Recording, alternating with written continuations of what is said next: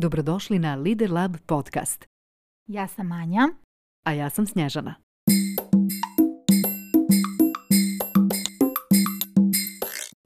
A šta ako je za život ispunjen zadovoljstvom i zdravljem? Potrebno samo malo treninga uma. Najnovije psihološke i neurološke studije pokazuju da je upravo tako.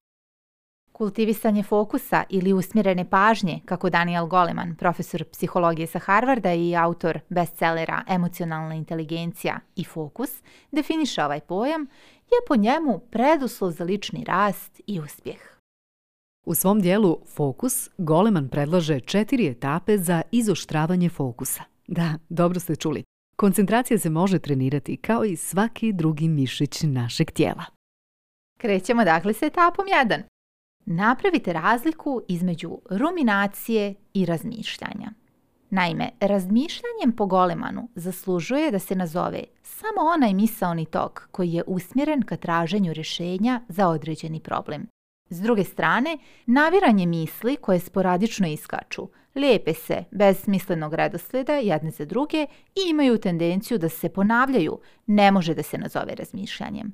Goleman tom metežu daje naziv ruminacija – direktno ga preuzimajući iz registra vezanog za animalni svijet, tačnije za varenje preživara koje je sporo i praktično neprestano. Uz to, ruminacija troši intelektualni kapacitet oduzimajući energiju cijelom organizmu. Nesređene misli nas troše, dok razmišljanje hrani mozak. Prosječan čovjek se, nažalost, identifikuje sa svojim mislima. Ako mislimo da nam šef nije blagonaklon, Stvorit ćemo sebi predstavu o tome da možemo ostati bez posla, kao neko nepoželjan. Živjet ćemo u strahu i biti i pravljenju grešaka. Kada tome pridodamo činjenicu da mozak ne pravi razliku između realnog razloga za strah, recimo susreta sa medjedom u šumi i naših strahova koji su proizvod ruminacije, stalnih fatalističkih misli koje nam se motaju po glavi. Jasno nam je da ćemo biti u neprestanom stresnom stanju, i tu smo već na putu ka ozbiljnom ugrožavanju zdravstvenog stanja. Valja dakle ponovo razmisliti o onoj kakvi su ti misli, takav ti je život. Naš zaključak, više razmišljaj, manje misli. Prelazimo na etapu 2, više kvalitetnog odmora.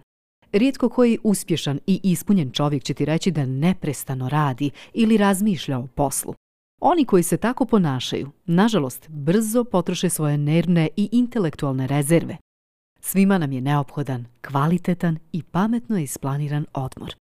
Prije 2000 godina Seneka je pisao navikama rimskih upravnika i vojskovođa, o njihovom desetočasovnom intelektualnom i fizičkom radu, nakon koga je po nepisanom pravilu usljeđivao odmor, takozvana seksta, što znači 16 časova.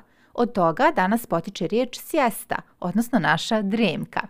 To je bio trenutak kada svi prestaju da se na bilo koji način bave velikim stvarima i politikom.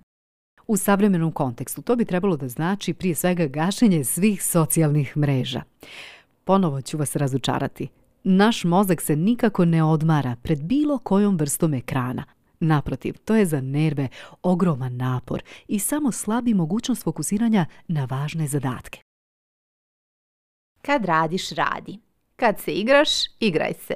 Ne miješaj to dvoje. To je recept za dobru fokusiranost. Šta je po Golemanu pravi odmor? Šetnja u prirodi. Posmatranje prirode uopšte. Nakon toga slijede druge vrste relaksacije poput lagane fizičke aktivnosti, masaža i tome slično.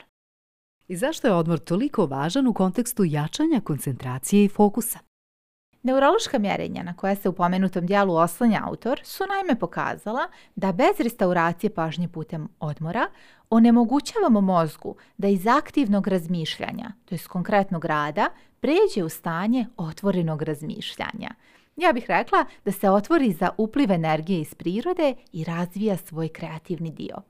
Kad već to spominjemo, pročitajte biografiju Nikole Tesle i ovaj odnos aktivnog i otvorenog uma će vam biti mnogo jasniji. Idemo na etapu 3. Jačanje snage volje. Walter Michel, psiholog iz oblasti odlaganja zadovoljstva, 60. godina prošlog vijeka je sproveo interesantnu studiju u kojoj su učestvovali mališani kojima je ponuđen jedan manšmelov, odmah ili dva ukoliko prvi ne pojedu u roku od 15 minuta. Nakon 10 godina sprovedena su mjerenja sa kandidatima koji su sada bili odrasli i konstatovano je da su oni koji su bili u stanju odgoditi zadovoljstvo ostvarili mnogo veći lični napredak i na poslovnom i na zdravstvenom planu od onih koji to nisu uspjevali.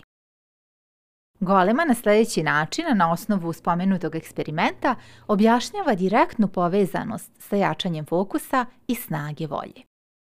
Fokus se javlja u samoj činjenici da je prepoznata pojava nagona, odnosno impulsa da se odmah dobije zadovoljstvo, u ovom slučaju mančmelov. Zatim, stavljanje fokusa na volju da se taj impuls prenebregne, to jest fokusirano odupiranje nagonu. I treća komponenta, pomjeranje fokusa na viši cilj, koji je izazovniji od trenutnog zadovoljstva, to jest na viziju dva mančmelova umjesto jednog u datom slučaju. Etapa broj 4. Treniranje fokusa. Najefikasniji način za razvijanje mišića za fokusiranost po Golemanu je meditacija. Studije na koje se on poziva u svom dijelu jasno navode da se kod praktikanata meditacije uočava značajnija razvijenost sinapsi odgovornih za disociranje od lutajućih misli nego kod onih koji ne upražnjavaju meditaciju. Kada, zahvaljujući ovakvom treningu, shvatimo da sami upravljamo svojim mislima, da smo za njih odgovorni i da one ne padaju s neba, u rukama nam je moćna alatka za postavljanje i realizaciju velikih, dobro usmjerenih ciljeva, a fokus će obezbijediti njihovu realizaciju. Formula je dakle jednostavna.